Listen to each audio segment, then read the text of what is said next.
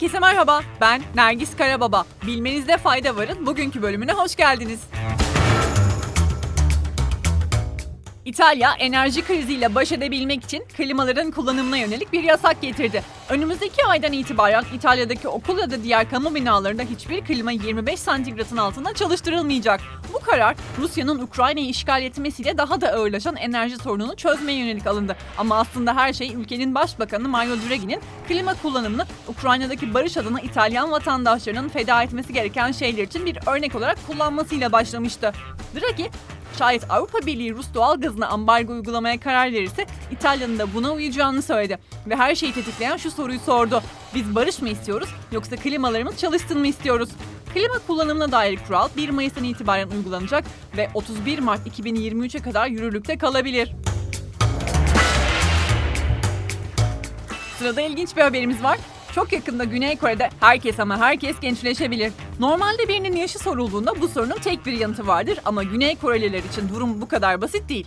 Sebebi ise ülkede bir kişinin yaşını hesaplamak için kullanılan 3 farklı yöntem olması. Bir yönteme göre Güney Kore'de doğan bebekler doğduklarında 1 yaşında kabul ediliyor ve şayet doğum Aralık ayında gerçekleşmişse hemen Ocak ayında o bebek 2 yaşına girmiş oluyor. Ama bu Kore yaş hesaplama metodu çok yakında değişebilir. Seçilmiş devlet başkanı farklı yaş hesaplamalarının süre gelen bir kafa karışıklığına sebep olduğunu ve bunun gereksiz sosyal ve ekonomik maliyetleri olduğunu söyleyerek yaş hesaplama metodunun sadeleştirilmesini istedi.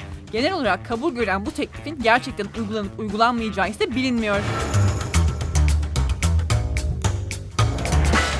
Uzmanlara göre küresel ısınmayı yavaşlatmak için jeomühendislikten faydalanmak sıtma riskini artırabilir. The Nature Communications'da yayınlanan bir rapora göre iklim üzerine jeomühendislik kullanmak bulaşıcı hastalık yükünü artırabilir ve fazladan 1 milyar insan sıtmaya maruz kalabilir. Jeomühendislik de gökyüzündeki karbondioksit miktarı azaltılarak atmosferin daha az ısınması hedefleniyor. Böylece dünyadan daha fazla güneş ışığı yansıyabiliyor ve ilk etapta absorbe edilen ısının miktarı azaltılabiliyor. Güneş ışınları da yansıtıldığında küresel ısınma geçici olarak durmuş oluyor.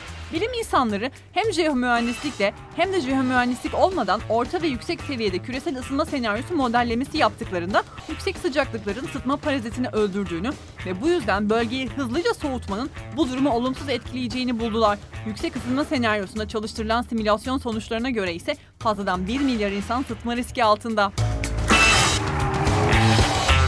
Etkili ve çok tanınmış bilim insanlarından oluşan bir heyet NASA'ya önceliğinin Uranüs görevi olması gerektiğini söyledi. Buz devi olarak da bilinen Uranüs, Güneş sistemimizdeki 7. gezegen. Daha evvel yalnızca bir kez ziyaret edildi ve bu kısa ziyareti Voyager 2 isimli uzay aracı tarafından 1986 yılında gerçekleştirilmişti.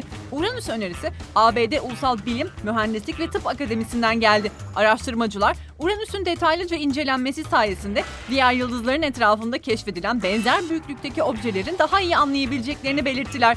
Uranüs 1781 yılında Sir William Herschel tarafından keşfedildi. Güneşe olan uzaklığı 3 milyar kilometre ve Güneş'in etrafını bir kez dolaşması 84 dünya yılı sürüyor.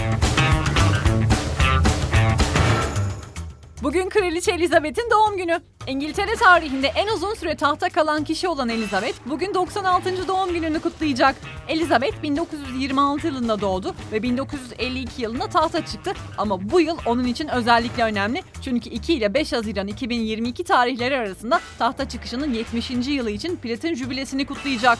Ulusal İstatistik Bürosu tarafından açıklanan verilere göre ise Elizabeth Birleşik Krallık'ta yaşları 95 ile 99 arasında değişen 124 bin kişiden biri. Bu kişilerin ise %75'i kadın. Bugünlük bu kadar. Yarın görüşmek üzere. Hoşçakalın.